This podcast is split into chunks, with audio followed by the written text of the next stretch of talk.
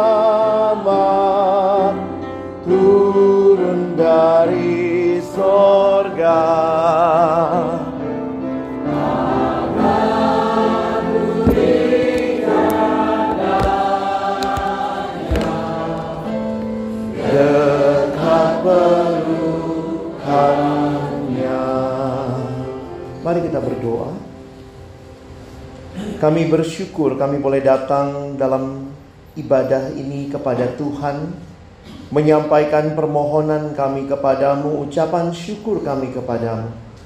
Dan percaya Tuhan mendengar doa-doa kami dan menjawabnya seturut dengan waktu dan kehendakmu. Pakai kami juga menjadi bagian dari jawaban doa itu Tuhan. Ketika itu menjadi bagian kami biarlah kami boleh mempersembahkan yang terbaik kepadamu. Kami akan membuka firman-Mu, bukalah juga hati kami. Jadikanlah hati kami seperti tanah yang baik, supaya ketika benih firman Tuhan ditaburkan boleh sungguh-sungguh berakar, bertumbuh, dan juga berbuah nyata di dalam hidup kami. Berkati hambamu yang menyampaikan setiap kami yang mendengar, Tuhan tolonglah kami semua, agar kami bukan hanya jadi pendengar-pendengar firman yang setia, tapi mampukan dengan kuasa dari rohmu yang kudus, kami dimampukan menjadi pelaku-pelaku firman-Mu di dalam kehidupan kami. Bersabdalah ya Tuhan, kami umat-Mu sedia mendengarnya. Di dalam satu nama yang kudus, nama yang berkuasa, nama Tuhan kami Yesus Kristus, kami menyerahkan pemberitaan firman-Mu. Amin. Shalom. Selamat malam Bapak Ibu yang dikasihi Tuhan Yesus Kristus. Malam ini sama-sama kita akan belajar dari nyanyian pujian Maria. Mari sama-sama kita membuka di dalam Injil Lukas pasal yang pertama. Injil Lukas pasal yang pertama kita akan melihat di dalam ayatnya yang ke-46 sampai ayat yang ke-56. Lukas pasal yang pertama ayat 46 sampai dengan ayat 56. Mari jika sudah menemukan kita akan membaca bagian ini bergantian. Saya akan mulai membaca ayat 46. Mohon Bapak Ibu Saudara sekalian membaca ayat 47 kita bergantian sampai ayat yang ke-56. Nyanyian pujian Maria, lalu kata Maria, "Jiwaku memuliakan Tuhan, Sebab ia telah memperhatikan kerendahan hambanya. Sesungguhnya mulai dari sekarang segala keturunan akan menyebut aku berbahagia.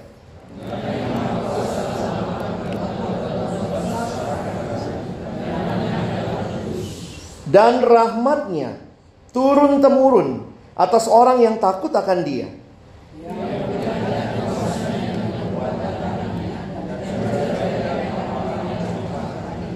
Ia menurunkan orang-orang yang berkuasa dari tahtanya dan meninggikan orang-orang yang rendah.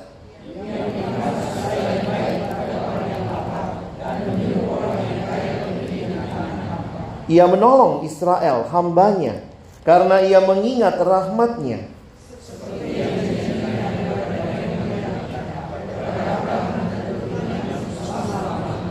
Dan Maria tinggal kira-kira tiga bulan lamanya bersama dengan Elizabeth, lalu pulang kembali ke rumahnya. Saudara yang dikasihi Tuhan, nyanyian pujian Maria adalah salah satu dari tiga nyanyian pujian yang lain yang terdapat di dalam Injil Lukas. Nyanyian pujian Maria di dalam bahasa Latin dia disebut Magnificat berdasarkan kata pertama yang muncul dalam Alkitab berbahasa Latin. Lalu Bapak Ibu nanti juga bisa melihat nyanyian pujian Sakaria yang biasa disebut sebagai Benedictus juga dari bahasa Latin di dalam Lukas 1 ayat 67 ke bawah. Dan juga kita bisa melihat nyanyian pujian Simeon yang dia di, biasa disebut Nung Dimitis yang ada di dalam Lukas pasal 2 ayat 29 ke bawah. Ada juga yang memasukkan satu lagi lagu pujiannya Malaikat yang biasa disebut sebagai Gloria in Excelsis Deo. Nah, saudara yang dikasihi Tuhan, mengapa di bagian awal dari cerita narasi kelahiran Kristus menurut catatan Lukas menuliskan nyanyian pujian, saudara? Apa sih yang kira-kira menjadi kerinduan kerinduan Lukas waktu dia mengumpulkan tulisannya dan kemudian menaruh nyanyian pujian ini? Saya pikir adalah supaya kita juga yang membaca kisah ini yang boleh melihat karya Allah yang genap di dalam keselamatan ketika Kristus datang. Kita pun juga boleh memuji Allah. Bersama-sama menaikkan pujian kita kepada Dia. Nah, saudara, mari kita akan melihat hari ini. Saya mengajak kita malam ini melihat um, tiga hal dari Maria, karena sesuai tema kita mau meneladani nyanyian pujian Maria. Ada banyak hal yang bisa saudara lihat, tapi dalam waktu yang terbatas, mari kita fokus melihat tiga hal saja. Yang pertama, yang saya ingin Bapak Ibu perhatikan adalah Maria adalah seorang yang mengenal Tuhannya. Maria adalah seorang yang mengenal Tuhan.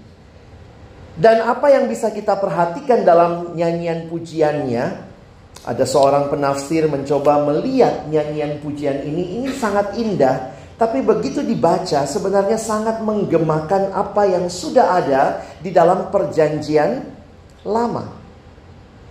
Saudara penafsir ini kemudian mencoba melihat kalau Bapak Ibu memang perhatikan kalau kita punya study Bible atau Alkitab versi studi itu banyak sekali referensi ke perjanjian lama. Secara khusus nyanyian pujian Maria banyak mengutip apa yang ada di dalam nyanyian pujian Hana, mama dari Samuel. Dan ada kurang lebih 22 kutipan perjanjian lama di dalam ayat yang kita baca hanya berapa nih? 10 ayat ini ya. Ada 22 kutipan perjanjian lama saudara yang muncul. Dan ini menunjukkan satu hal yang indah Bapak Ibu saya melayani remaja begitu ya. Dan waktu perhatikan kan Maria ini nampaknya masih remaja ya. Waktu itu ya menikahnya cepat. Beberapa penafsir mengatakan Maria kira-kira mungkin baru 15 tahun saudara. Kalau 15 tahun sekarang masih studi ya. Belum ada yang punya anak begitu ya. Tapi waktu itu dalam budaya pada waktu itu 15 tahun masih muda saudara. Masih muda tetapi dia mengenal Allahnya, dia mengenal firman Allah. Karena itu saya tidak pernah bosan melayani remaja, saudara. Kalau orang bilang, ah remaja ini gak ada harapan gitu ya. Remaja ini gak bisa ngerti firman Tuhan. Maria remaja, saudara. Tapi dia remaja yang kenal siapa Tuhannya. Saya pikir ini satu baik, tradisi baik di dalam kehidupan orang Yahudi. di mana firman Tuhan dibicarakan oleh keluarga. Jadi bukan cuma bagiannya uh, lause di remaja gitu ya. lause di pemuda ya. Itu dibicarakan di dalam kehidupan umat Allah. Sehingga Maria adalah seorang yang mengenal siapa Tuhannya. Maria adalah pribadi yang muda, tapi begitu rupa mengalami kehidupan yang mengenal Tuhan yang membuat kita melihat tulisannya ini, pujiannya ini lahir dari pengenalan akan Tuhan. Beda ya Bapak Ibu, kalau orang disuruh memuji karena cuma harus memuji.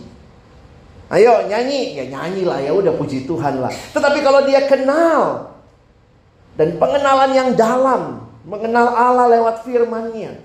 Ada dua hal yang saudara bisa perhatikan.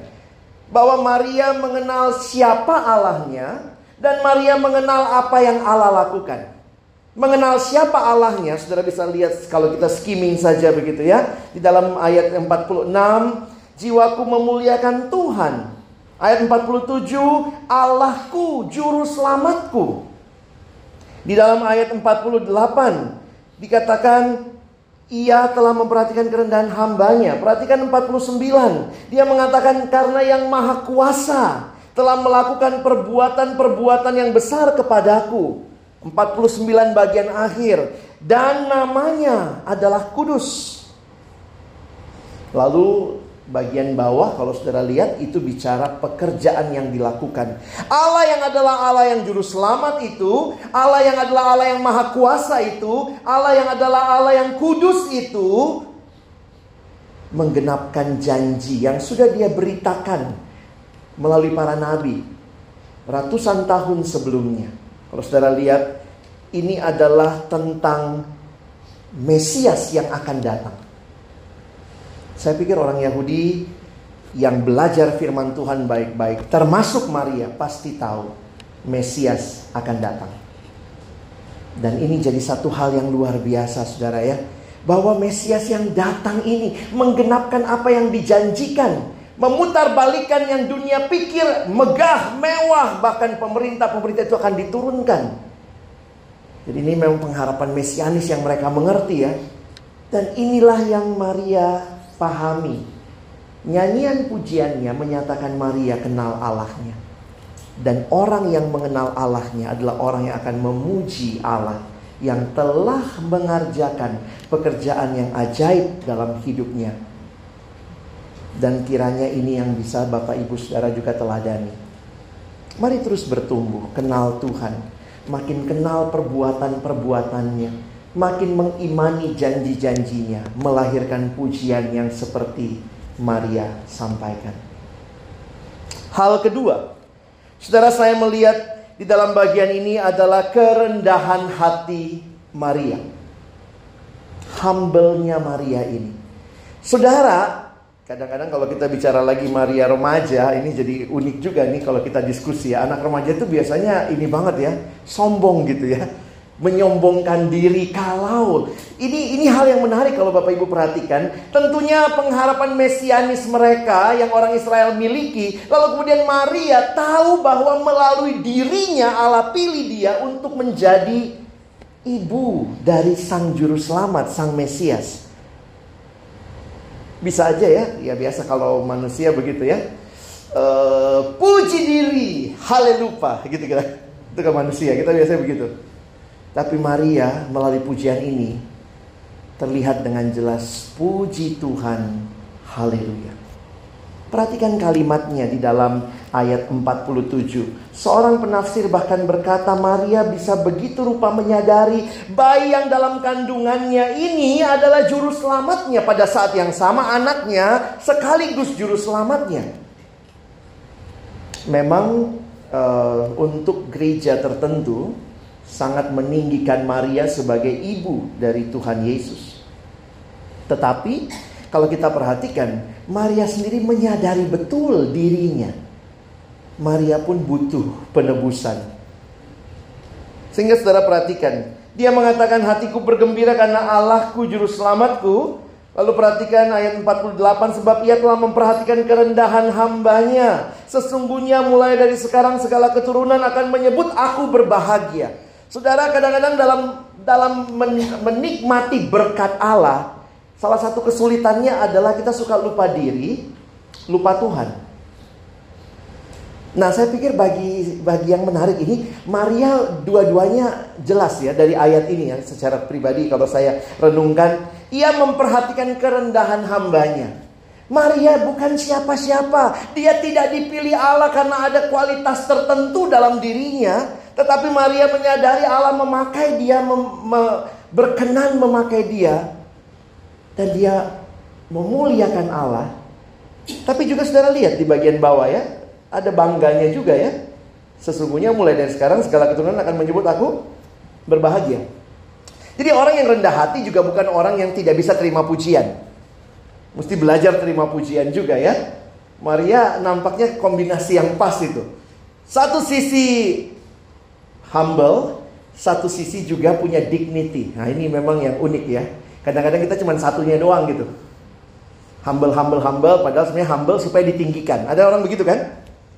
Oh, kamu deh yang jadi MC, ah jangan saya deh. Kamu deh yang jadi MC, jangan saya deh. Dalam hati paksa terus, paksa terus kan? Itu merendahkan diri nanti lama-lama kamu deh. Begitu dia maju, hmm, terus waktu dia mimpin misalnya bagus gitu tuh orang ih bagus banget tadi. Baru tahu. Itu kelihatannya humble ya. Ada juga orang nggak bisa terima pujian saudara. Maaf ya saya kasih contoh yang yang pelayanan di mimbar-mimbar aja ya. Maaf misalnya habis main musik gitu ya. Oh iya bagus banget tadi mainannya. Itu bukan saya, bukan saya. Terus siapa tadi? uh, seorang senior saya bilang, sering kali kita juga tidak belajar terima pujian. Harus belajar terima pujian. Tadi bagus ya, terima, kasih, puji Tuhan. Karena orang yang bilang itu bukan saya, bukan saya, maksudnya apa? Itu tadi Tuhan yang main. Ih, Hebat sekali Tuhan mainnya. Di sisi yang lain bisa jadi dia bilang begini, kalau tadi jelek itu bukan saya. Tuhan. Jadi sebenarnya kita mesti punya sikapnya Maria ini. Humble yang tidak menanduk, tetapi bangga yang tidak membuat diri lupa lupa diri. Hanya orang yang humble seperti ini yang bisa menaikkan pujian. Magnificat Jiwaku memuliakan Tuhan. Tuhan terima kasih kau pakai aku. Aku ini bukan siapa-siapa. Tapi terima kasih Tuhan. Ternyata banyak hal yang aku bisa. Dan itu karunia Tuhan. Saudara mungkin bisa main musik, saudara bisa bisa melayani, saudara bisa jadi pelayan Tuhan. Dan ini semua kalau kita kombinasi indah sekali. Maria sadar betul ini bukan remaja gegabah. Ini remaja yang tahu siapa Tuhan dan dia bisa memuliakan Tuhan. Mari belajar humble-nya Maria, saudara ya. Ini juga, jadi orang yang seperti inilah yang bisa memuji Tuhan dengan tulus. Karena jujur aja sering kali kita tuh senengnya dipuji lah, itu manusiawi banget ya. Seneng kalau dipuji. Dan kalau dipuji kayaknya kita lupa diri, besar kepala gitu ya. Dan itu banyak orang yang senengnya itu e, rendah di rendah hati papan loncat. Jadi rendah rendah rendah rendah, nanti naiknya tinggi banget gitu ya. Jadi ya, makanya saya waktu itu diajarin ingat kalau dipuji bilangnya apa? Terima kasih, puji Tuhan. Kalau dikritik, maka bilang juga terima kasih dan belajar lihat apa yang memang harus diperbaiki. Jadi kalau dalam komunitas yang sehat harusnya kita bisa menerima pujian dan kritik dari orang-orang yang kita tahu mengasihi kita. Maria datang ke Elizabeth. Lalu Elizabeth bilang, bayi yang di kandunganku melonjak. Siapakah aku? Kata Elizabeth, ibu Tuhan, ibu Tuhanku mengunjungi aku. Bisa aja Maria, ini ya, ibu Tuhan nih, ya. Maria bisa GR saudara ya. Tapi no, she still humble. Terakhir yang ketiga. Saudara mari perhatikan sebentar bahwa ketika kita bicara apa yang terjadi pada Maria, saya harus katakan ini tidak mudah. Banyak orang senang kalau bicara, oh Maria ini seorang uh, apa ya, anak muda yang taat ya. Poin saya yang ketiga sebenarnya taat. Tapi ini taat yang tidak gampang, Saudara.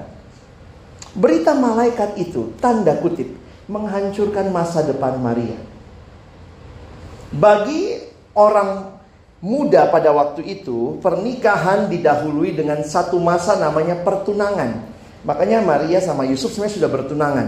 Lalu dalam masa pertunangan itu dalam budaya dan kebiasaan mereka tidak boleh ada hubungan badan dulu.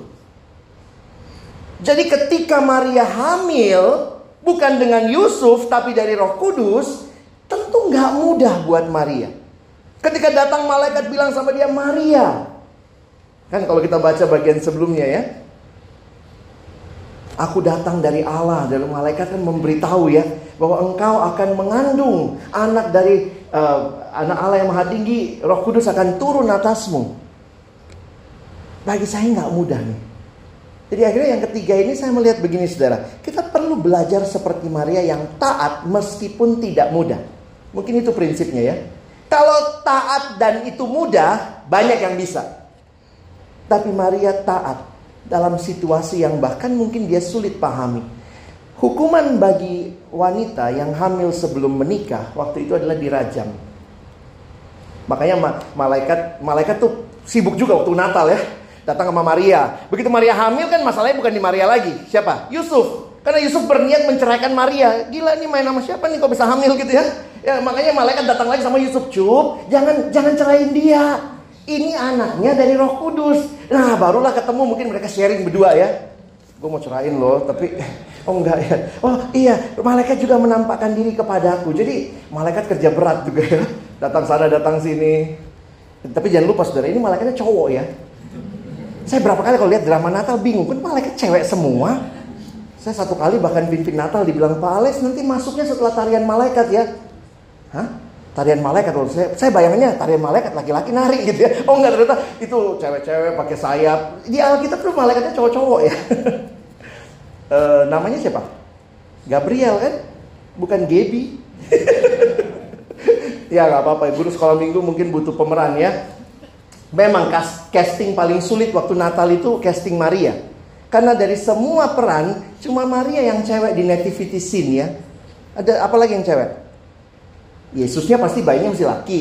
Yusuf laki. Akhirnya mungkin ceweknya jadi itu pemilik penginapan yang judes-judes. Nggak ada tempat, nggak ada tempat gitu kali ya.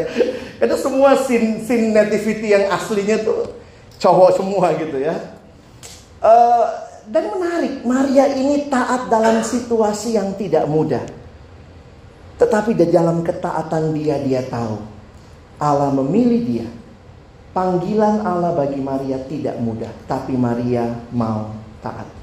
Karena itu Maria bisa memuliakan Tuhan. Dia bisa menyatakan Tuhan, aku ini cuma hamba. Berbeda dengan Sakaria. Sakaria nampaknya tidak percaya sehingga Alkitab mencatat setelah perjumpaan dengan malaikat dia tidak bisa bicara, dia bisu. Kalimatnya sama. Aku hamba Tuhan, jadilah padaku. Tapi Maria dalam keyakinan, Sakaria di dalam keraguan. Bapak Ibu saya tidak tahu bagaimana kita sebagai orang yang memuji Tuhan ya. Mari belajar dari Maria. Saudara akan bisa memuji Tuhan kalau saudara kenal siapa Tuhannya. Saudara akan bisa memuji Tuhan lebih tulus kalau saudara benar-benar menyadari I am nothing, you are everything. Karena itu engkaulah segala-galanya. Kalau saya bisa itu pun karenamu Tuhan. Dan yang ketiga, saudara akan bisa memuji Tuhan dengan tulus. Ketika saudara memang taat. Situasi mungkin tidak lebih mudah. Tahun 2020 kita nggak tahu apa yang terjadi. Tuhan sulit ke depan, tapi saya mau taat.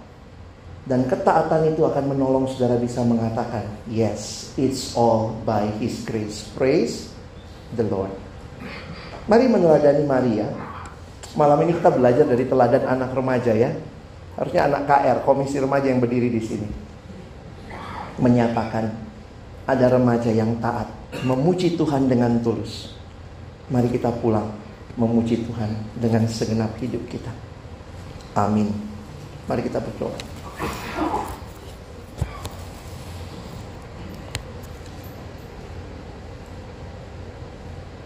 Tuhan tolong kami bukan jadi pribadi-pribadi yang sibuk dengan diri kami, tapi pribadi-pribadi yang benar-benar menyadari siapa Tuhan dan kami memuliakan Engkau. Allah yang bekerja bukan hanya di masa yang lalu, tapi sampai hari ini dan terus bahkan dalam hidup kami, keluarga kami, gereja kami, bangsa kami, bahkan dunia ini. Biarlah kami terus memuji Engkau karena kami menyadari Tuhan siapakah kami ini. Dan kami terus memuliakan Engkau seperti Maria. Karena kami pun sadar situasi tidak makin mudah. Tapi Tuhan tolong kami taat. Tolong kami terus bergantung kepadamu. Biarlah malam hari ini kami belajar dari seorang remaja yang sungguh-sungguh kenal Tuhannya. Remaja yang rendah hati. Dan remaja yang taat dalam situasi yang sulit. Biarlah semua kami terus menyerahkan diri dipimpin oleh Tuhan. Kami bersyukur untuk firman-Mu. Tolong kami bukan cuma jadi pendengar firman yang setia. Mampukan kami jadi pelaku-pelaku firman-Mu.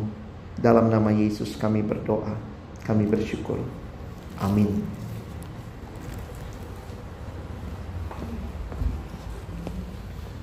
Sesuai terkasih dalam Tuhan, kita bersyukur malam hari ini kita boleh dapat mendengarkan bagaimana kita dapat meneladani doa pujian Maria dan biarlah kita boleh semakin lengkap mendapatkan pengetahuan tentang bagaimana kita dapat meneladani doa pujian Maria.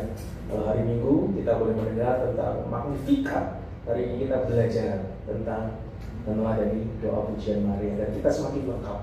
Saudara dan biarlah ini boleh mempersiapkan kita untuk menyambut Natal.